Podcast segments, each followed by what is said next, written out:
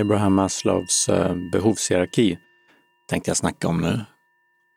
Det är en hierarki som, eh, ja, om man läser eh, psykologi på universitetet eller läser psykologisk historia för den delen, ofta hamnar på. För Maslow var en av de giganterna som likt hur, ja, kanske mer i modern tid, Bandura eller kanske Steven Pinker idag är som riktig världs, eh, världsstjärna, likt eh, Lawrence Kohlberg eller någon sån som lyckades eh, att bli eh, väldigt framgångsrik inom det fältet och eh, hans eh, behovshierarki är känd och vida använd också, inte bara i den akademiska sfären utan eh, också för hos gemene man. Så många på stan eller på gatan känner till det och det används också i, i organisationer och eh, i olika typer av andra sammanhang.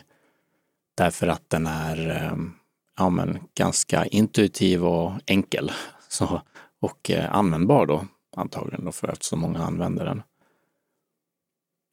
Väldigt enkelt, ja, för att komma ihåg, jag glömmer alltid bort stegen, men att det, det är en hierarki av behov som vi har eh, som människor som vi behöver tillgodose för att, eh, eller få i någon mening tillgodosedda för att kunna eh, gå vidare till de senare stegen. Så det är en hierarki där basen behöver finnas på plats. Och, och basen och fysi fysiologiskt, det är bara sån här matvatten, eh, tak över huvudet, värme, sådana saker. För har vi inte det så får vi väldigt svårt att eh, nå de här andra behoven då som vi har, för vi, vi behöver basen tillgodosedd. Då. Sen kommer trygghet och eh, ja, sen kommer kärlek och tillhörighet och vänskaper och sådant. Så när vi har de här eh, trygghet och det fysiska tillgodosett så, så går, det, går det vidare. Trygghet är det här avsaknad av krig exempelvis eller något sånt, att vi har bara um, vi har, vi, vi är trygga i vår värld. Vi, vi blir inte utsatta för saker. Kärlek, tillhörighet, um, som sagt, sen så kommer va, stå anseende, aktning, men det brukar vara self-esteem needs, ofta brukar stå på engelska. Att vi kommer till att vi har de här, mycket av de basala grejerna på plats, och då kommer ett behov av självkänsla också då, eller självförtroende. Och när vi har även det, och vi har, som det står där också, respekt för andra och de, eh, den typen av, det är inget behov, men det är någonting som uppstår där åtminstone. Men åtminstone en respekt av andra, att vi känner oss respekterade. Det är, en, det är ett behov också. Så kommer vi till hans i den eh, tappningen som man, om man pluggar det får läsa eller om man googlar det generellt. Eh, så den högsta nivån är hans är självförverkligande, självförverkligande eller self-actualization som det heter. Och det är att vi, ja, jag kan läsa in en till, det står spontanitet, frånvaro av fördomar, godtagande av fakta, moral, kreativitet. Så, och som jag i alla fall läser in, någonting av att vi, så som det heter då, självförverkligar oss att vi blir eh, den vi är menade att vara i någon typ av eh,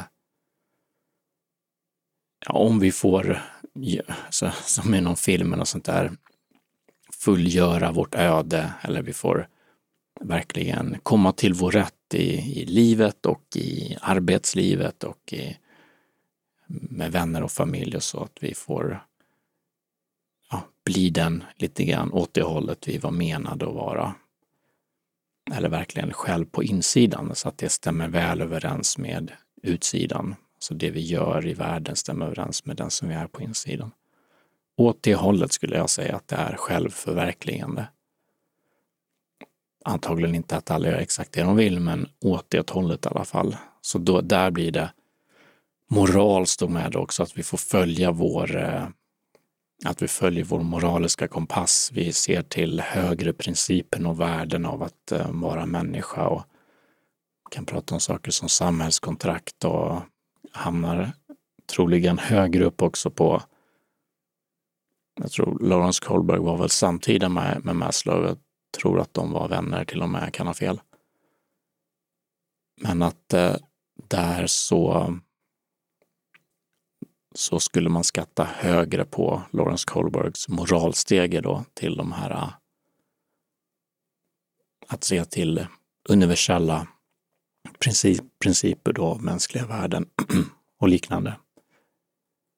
Det är sådant som infinner sig där på den där äh, självaktualisering eller självförverkligande.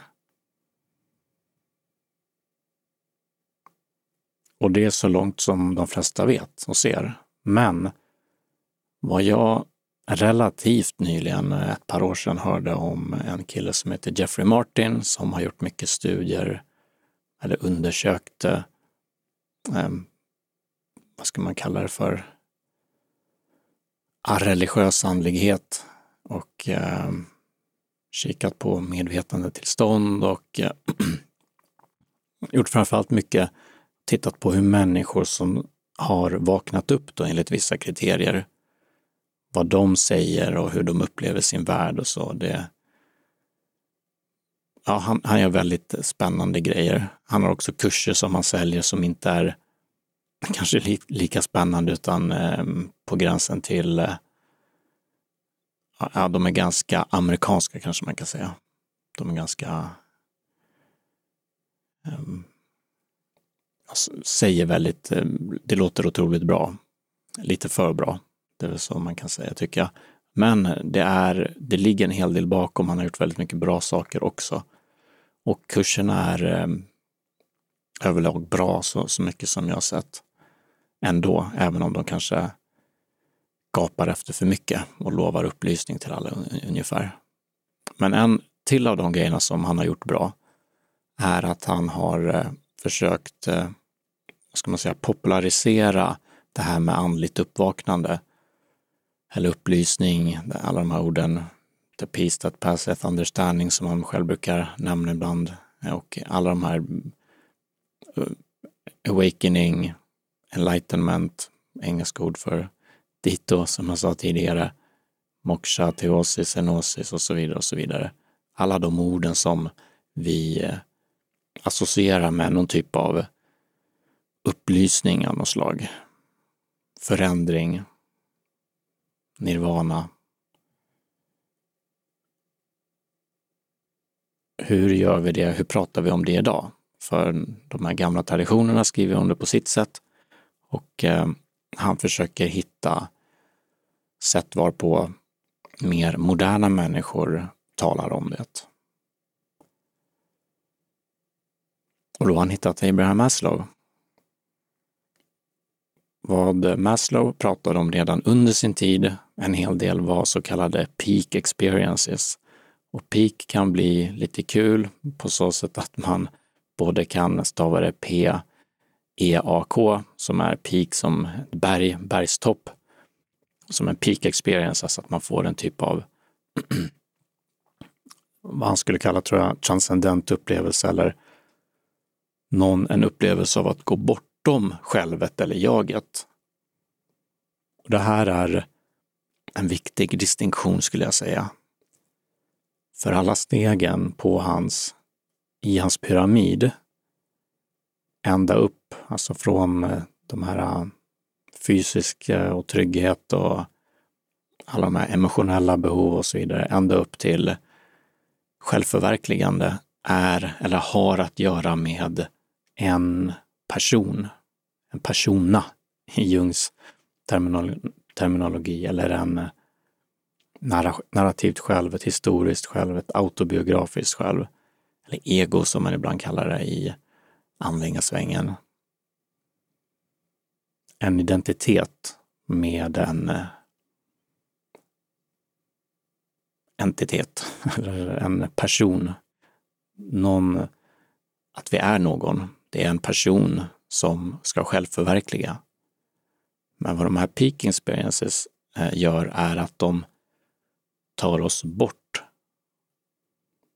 Bort ifrån personen till vad traditionen ibland beskriver som egoupplösning eller egotranscendens. Och det upplevde han under sin tid och, och pratade delvis om. Att det såg han som något eh, tillstånd som gick att uppleva då. Men vad han inte skrev så mycket om, men pratade om faktiskt på konferenser när han var sent till åren, eh, som både var ur, ur teoretisk synpunkt men också, så vitt jag förstår, hans egen upplevelse, nämligen att han la till en till nivå ovanpå eh, självförverkligande. Så den sista nivån vi lär oss i skolan eller när vi söker på det och läser om det generellt är inte hans sista nivå. Eller hans sista behov i behovspyramiden eller hierarkin. Den sista nivån heter trumvirvel självtranscendens.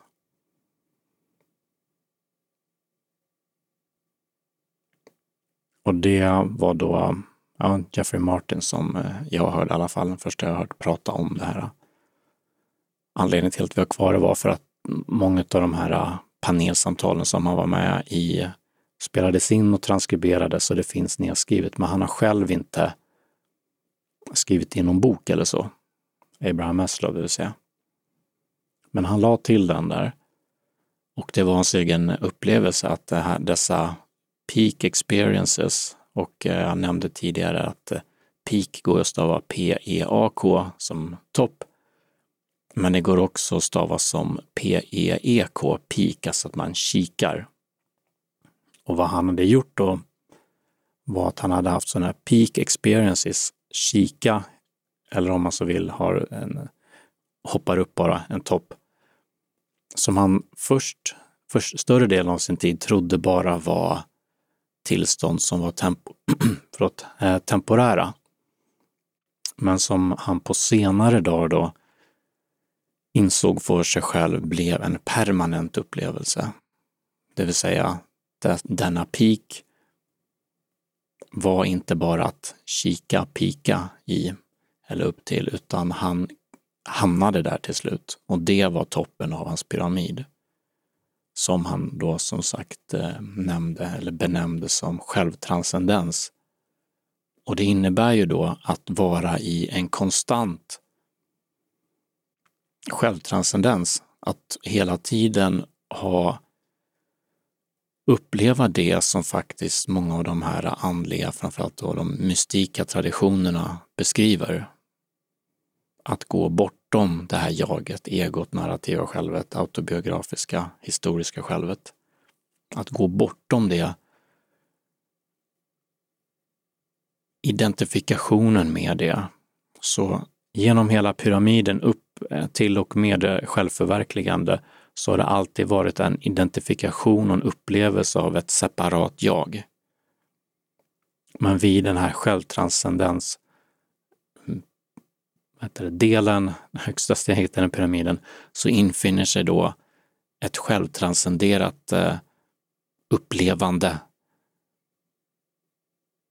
där det historiska självet inte längre är den som vi identifierar oss med eller känner att vi är. Vi känner då att vi är någonting annat.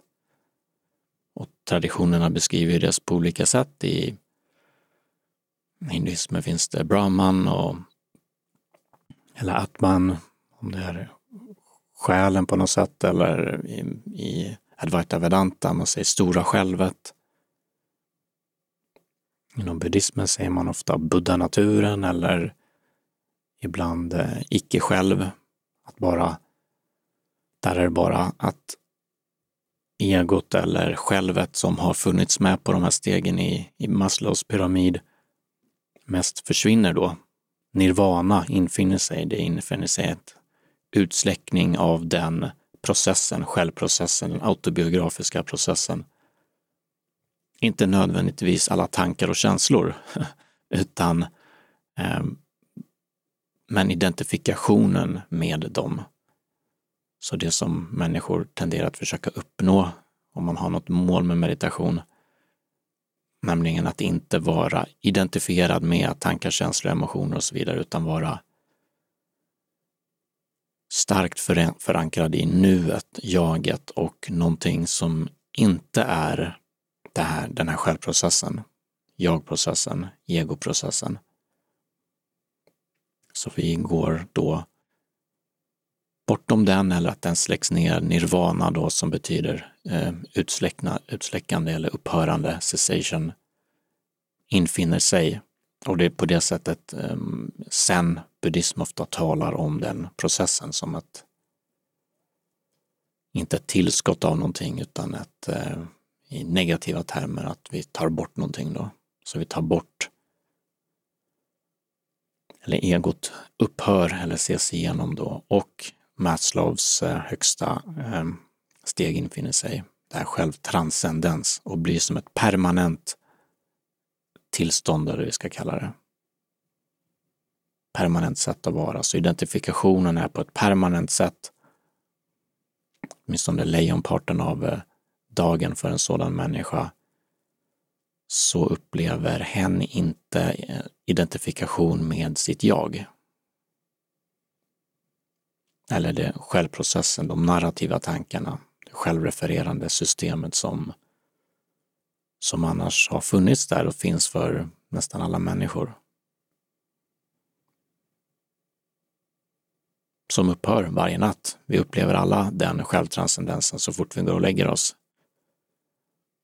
Mm, då upphör ju i, i princip allt för vårt eget medvetande. Det blir svart bara och försvinner bort, men vad som händer där är att den självprocessen stänger av.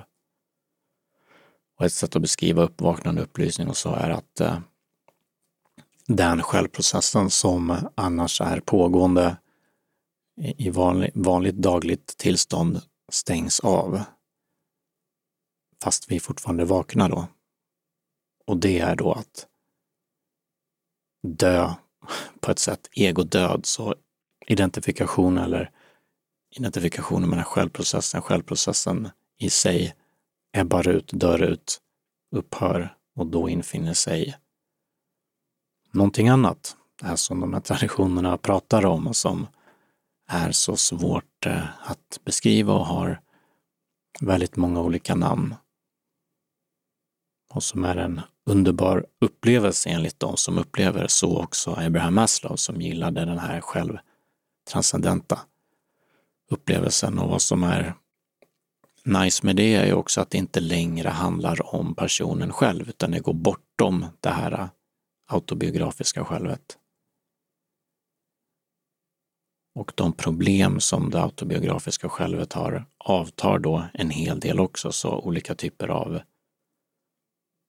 problem, psykologiska problem, emotionella problem försvinner inte nödvändigtvis, men identifikationen med dem avtar och det är många gånger gott nog för att må väldigt mycket bättre, även om, ska man säga, personen fortfarande såklart kan behöva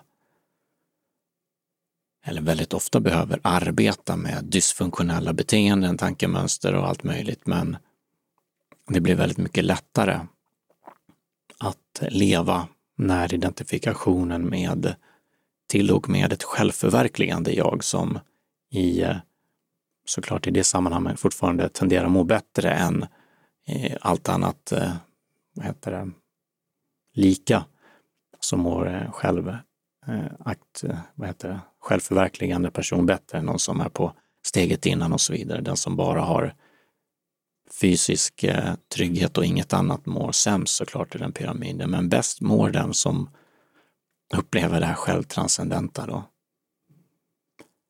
Och vad som är bra med hans modell är att den är helt, som sagt, har ingenting med religion att göra. Utan det är en strikt eh, psykologisk modell från en av våra största psykologer i modern tid. Han var som sagt eh, väldigt högt aktad, var sån här um, editor för American Psychological Association, olika jag har inte full koll på det, men en av de största psykologerna bara. Nu har vi ju en tendens att eh, halshugga, vad heter det? Um, Freud var ju också en av de största idag. Jag tycker eh, folk att det han säger är strunt och en viss kritik kan riktas mot Abraham Maslow också, att den är hur vetenskapligt underbyggd var hans modell och så. Men oavsett det så var han i alla fall från en tid där han inte var, som jag vet, speciellt troende och han var från ett akademiskt fält, psykologifältet som är vetenskapligt och han var en vetenskapsman.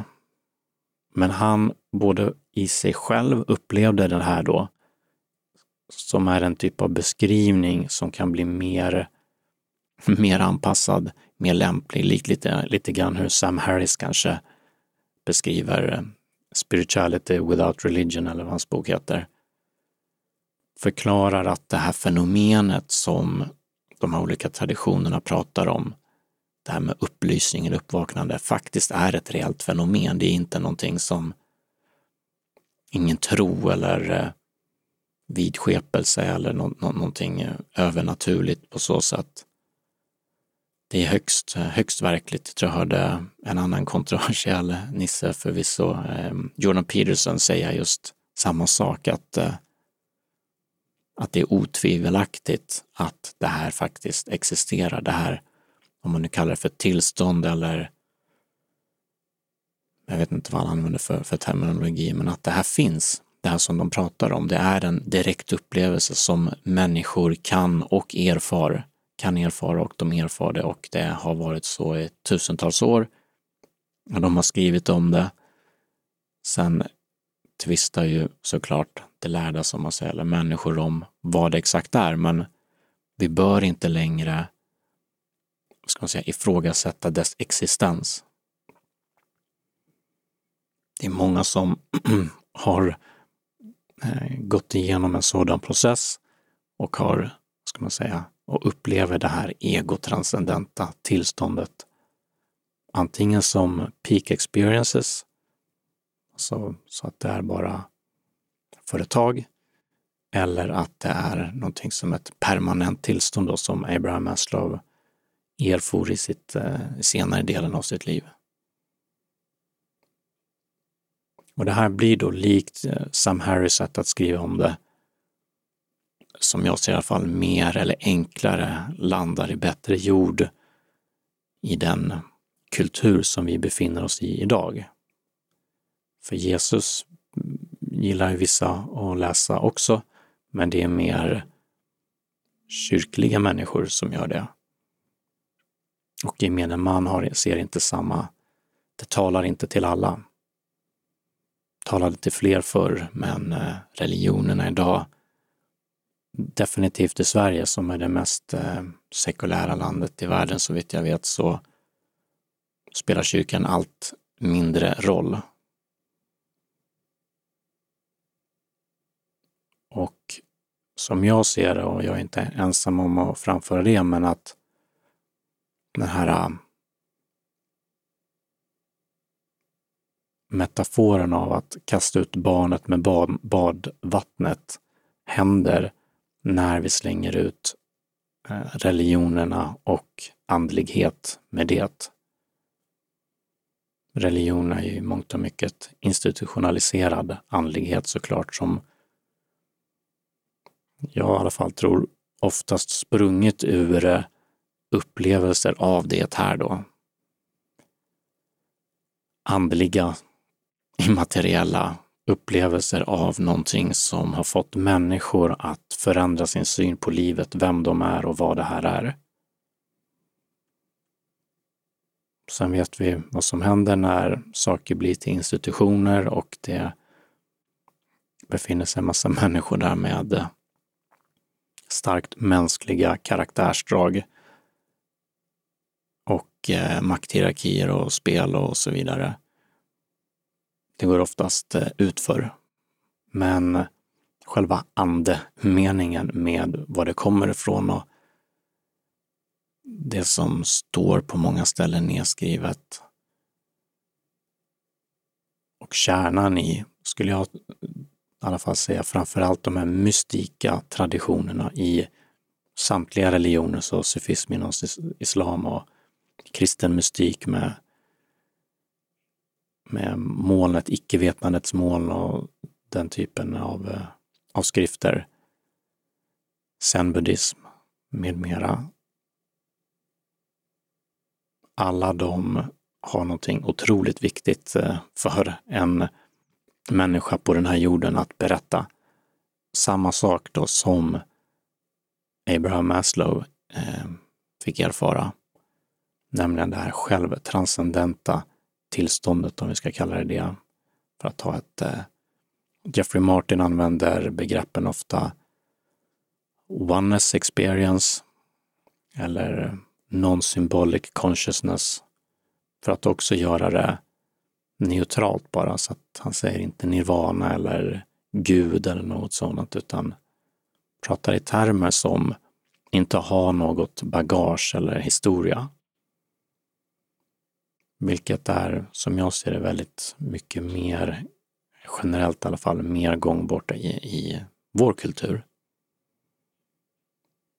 För det här är en viktig sak. Jag minns min favoritfilosof eh, Ken Wilber, en av mina favoritfilosofer, Ken Wilber, som skriver om både andlighet och filosofi och olika saker, att eh, han var sån här väldigt duktig i skolan och gjorde allting rätt och så vidare. Pluggade till läkare och sen så insåg han eller han läste någon sån här andlig, började läsa andliga texter också och såg att de beskrev det här med en typ av absolut sanning. Eller ett, att transcendera självet. Och, de, och, och han förstod på något sätt eh, graden av, vad ska man säga, hur viktigt det var och hur och vad, ja, i alla fall hans reaktion på det var att han var omkring 20 då kanske, var att han blev väldigt arg. För han undrar, varför har ingen berättat det här för mig förrän nu? Jag har gått alla de här åren i skolan. Jag har såklart läst religion och sådant också. Men det är ingen som berättat för honom att det här finns. Maslows högsta nivå eller eh, buddhismens eh, upplysning en typ av absolut sanning, en, en transformation, transfiguration av hur det är att vara människa och uppleva världen. Fundamentalt skifte i identitet, ett sätt att se på det. När identifikationen med det narrativa självet släpper så kan vi se det som å ena sidan icke-själv men också det stora självet eller identifikation med någonting annat då. Och varför har inte han fått höra det här då? Varför har ingen berättat det här för honom? Jo, en anledning till det är kanske att vi kastat ut barnet med badvattnet. En också är att eh, det här barnet, om vi ska eh, förstöra den här metaforen, tog sig formen av religionerna och, och eh, det var inget kul barn då. Så vi har med rätta kritiserat religionerna och blind tro och eh, väldigt mycket som inte har någon som helst grund eller han gör några anspråk på eh, samma, det här som de mystika traditionerna eller mer esoteriska traditionerna pratar om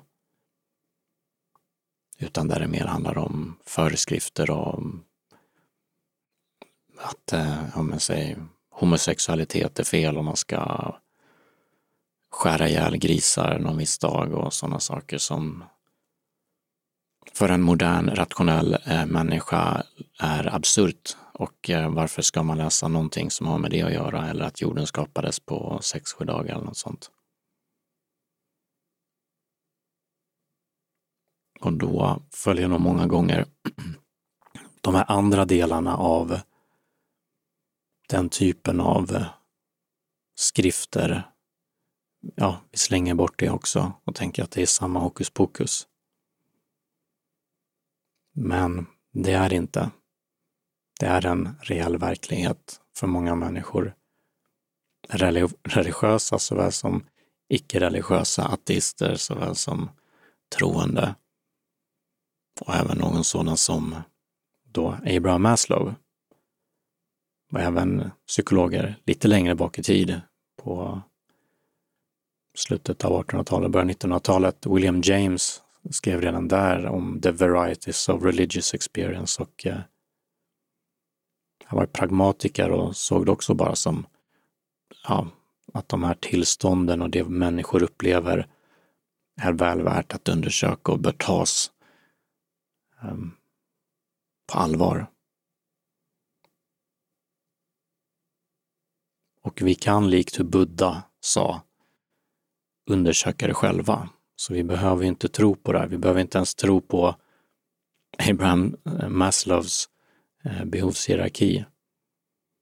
Den, ska man säga, den utvecklade med självtranscendens i toppen, utan vi kan med hjälp av dessa andliga praktiker då, så som meditation företrädesvis, undersöka saker närmare så vi kan göra det som eh, rekommenderas av traditionen och meditera, gå inåt, göra, mm, räkna andetagen, köra bodyscanning, göra mantran och så vidare. För att på så sätt frigöra det här narrativa självet eller frigöra oss från identifikation med det narrativa självet. Och det tar tid tyvärr. Det finns inga genvägar där generellt. vi får göra det och eh, slå på den stenen men över tid så tenderar den här skiftet att infinna sig. Pö om pö och små, små skiften, ibland sådana här peak, P-E-E-K experiences, som att vi kikar och upplever egolöshet tillfälligt och sen också för många att det infinner sig, infinner sig som ett permanent tillstånd och där har ju var människa, var en, sig själv att gå till och ställa sig frågan, vad är det här? Är, vad tror jag på?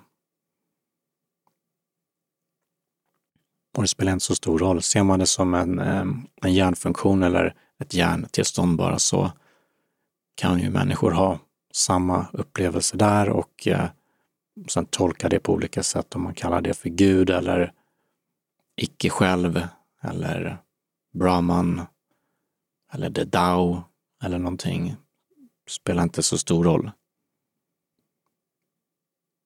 Det viktiga är att det finns där och att det går att erfara, bli till och med och undersöka. Och att det är tillgängligt. Till och med vår födslorätt då enligt vissa för att alla människor i princip kan uppleva det.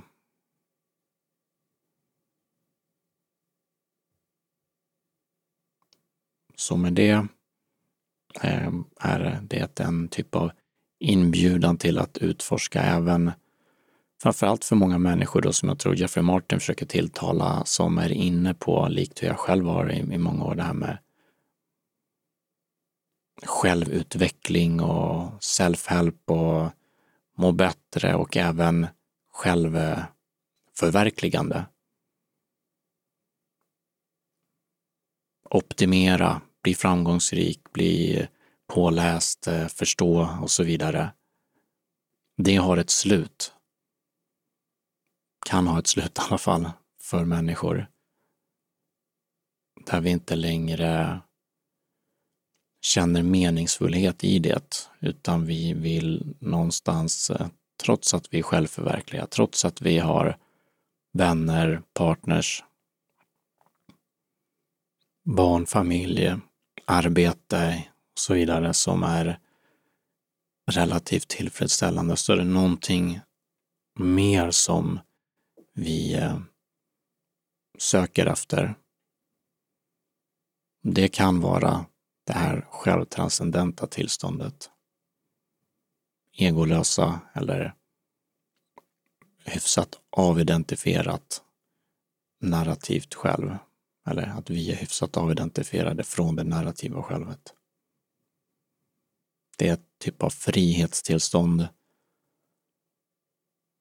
och eh, mer kärleksfullt, lugnare, the peace that passeth understanding som sagt. Så det här icke-vetandets moln. där vi inte vet så mycket, inte förstår någonting mer än vad vi förstått innan. Men vi är oss själva. Vi är hemma. Vi har funnit, om det är Gud, Brahman, the Dao. Vi förstår på ett intuitivt plan vad det här eh, pekar på, de här orden. För det är vår egen upplevelse nu. Antingen att du upplevt det temporärt eller att det blivit som för Maslow en permanent upplevelse av att vara i egolöshet, falla fritt i världen.